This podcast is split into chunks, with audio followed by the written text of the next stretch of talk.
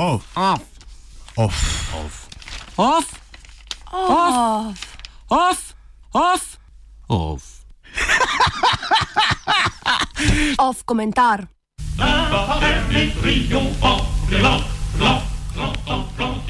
V peti izdaji časnika Le Vieux Cordelier, ki je izšla 5. januarja 1794, je Camille Demolan, izdajatelj omenjene tiskovine, posebno pozornost namenil kritiki časnika Luper Dichen, zlasti pa njegovemu izdajatelju Žaku Eberju.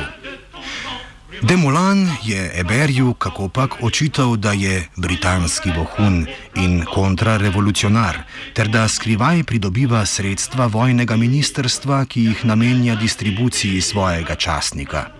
Zadnji navedbi je priložil tudi natančne številke, ki so Eberja še posebej ujezile, saj je dolgo delal na podobi ljudskega človeka, blizu brez dokolenkarjem.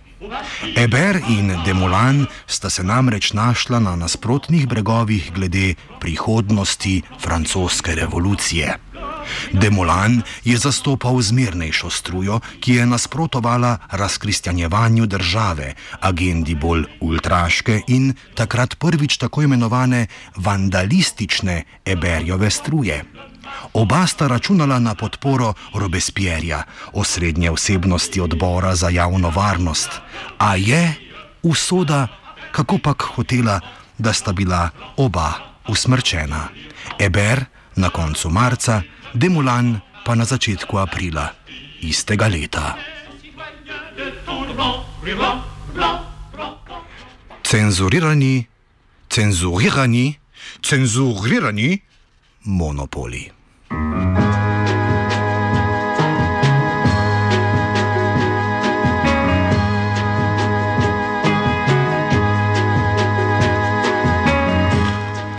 Društvo novinarjev Slovenije je pretekli teden najostreje obsodilo intenzivne napade na svobodo izražanja in novinarje, ki poročajo o financiranju slovenskih medijskih podjetij v mačarski lasti.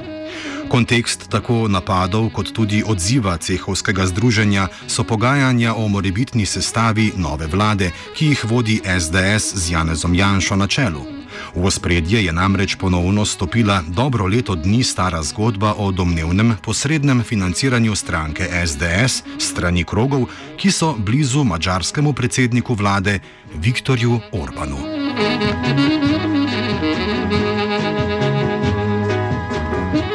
Obsodba Društva novinarjev sicer nobenega od novinarjev ali medijev ne izpostavlja poimensko, pa vendar lahko vsak, ki spremlja družbena omrežja, utemeljeno sklepa, da je društvo odreagiralo predvsem na spletni pogrom, ki so ga Janševi privrženci priredili proti Primožu Cirmanu, sicer tudi članu upravnega odbora Društva novinarjev Slovenije.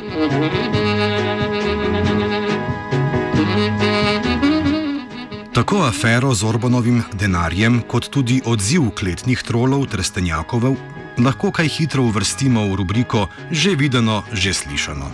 Novost pa je portal, ki nas je ponovno opomnil na Janezove nečednosti.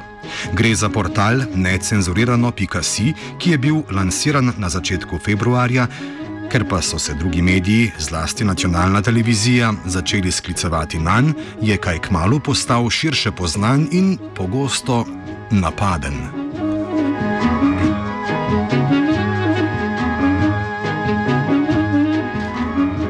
Ustvarjalec portala necenzurirano.si je že omenjeni Primoš Cirman poleg njega pa še Vesna Vukovič in Tomaš Modic.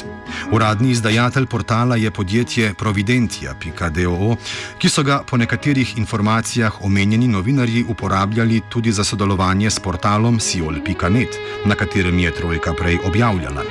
Družbenika podjetja Providentia sta z 20-odstotnim deležem novinar Tomaš Modic in z 80-odstotnim deležem Nejc Rozman iz Domžal, sicer neznan javnosti.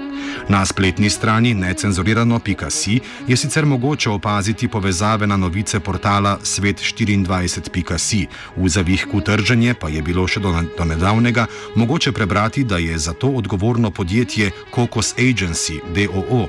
Danes je v tem zavihku moč najti le še fizični naslov omenjenega podjetja. You.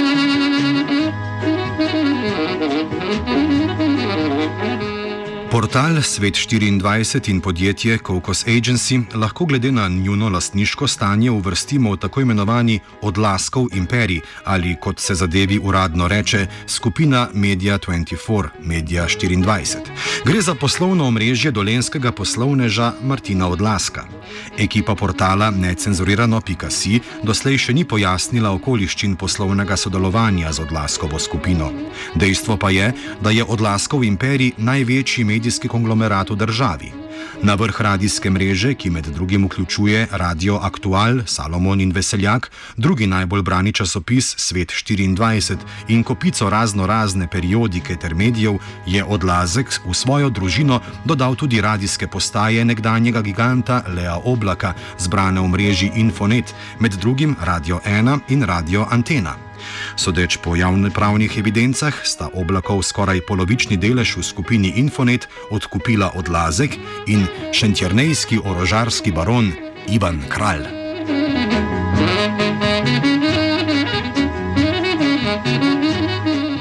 Odlazek številne medije in oglaševalska podjetja v skupini obvladuje preko različnih podjetij, ki so pogosto last njegovih prijateljev ali družinskih članov.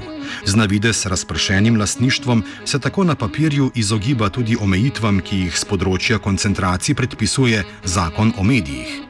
Manjši solastnik odlaskove najnovejše pridobitve skupine Infonet je tudi družba DZS, v središču katere je Bojan Petan, ki lastniško obvladuje časopis Dnevnik.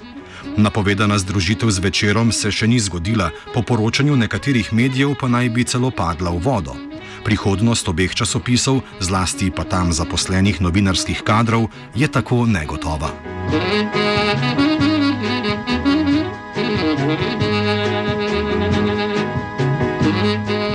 kategorijo ogrožena svoboda izražanja lahko brez dvoma uvrstimo še dve novici preteklih nekaj dni. V družbi Delo se po poročanju nekdanjega delovega novinarja Jančiča obetajo nova odpuščanja. Na udaru naj bi bile celo delavke na porodniškem dopustu. Ta vest v drugih medijih ni bila zabeležena, medtem ko so naslednjo povzeli praktično vsi, le redko kdo pa jo je povezal s stanjem medijske krajine.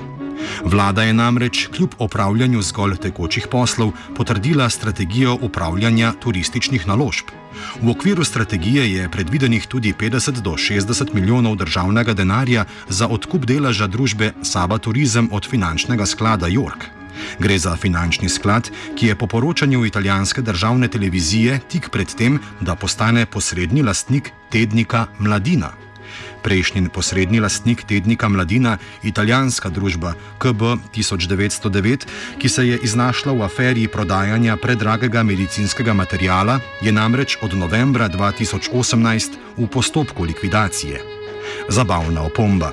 Približno 5 odstotkov delniške družbe Mladina pripada podjetju iz odlaskovega kroga. Odlazek Mladino, tako kot sicer večino slovenske periodike, tudi tiska v svojih tiskarnah trg, na katerem je prav tako eden od najmočnejših akterjev.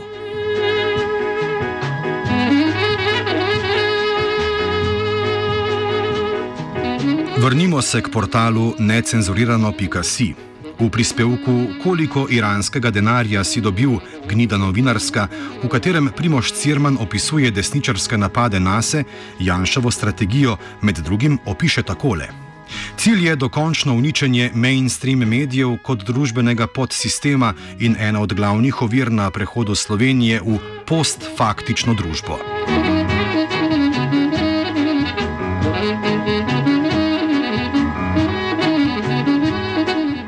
Cirmanov sklep sicer drži, a ravno tako drži, da so pri spodkopavanju kredibilnosti klasičnih novinarjev dobršen delež tega dela opravili novinarji sami.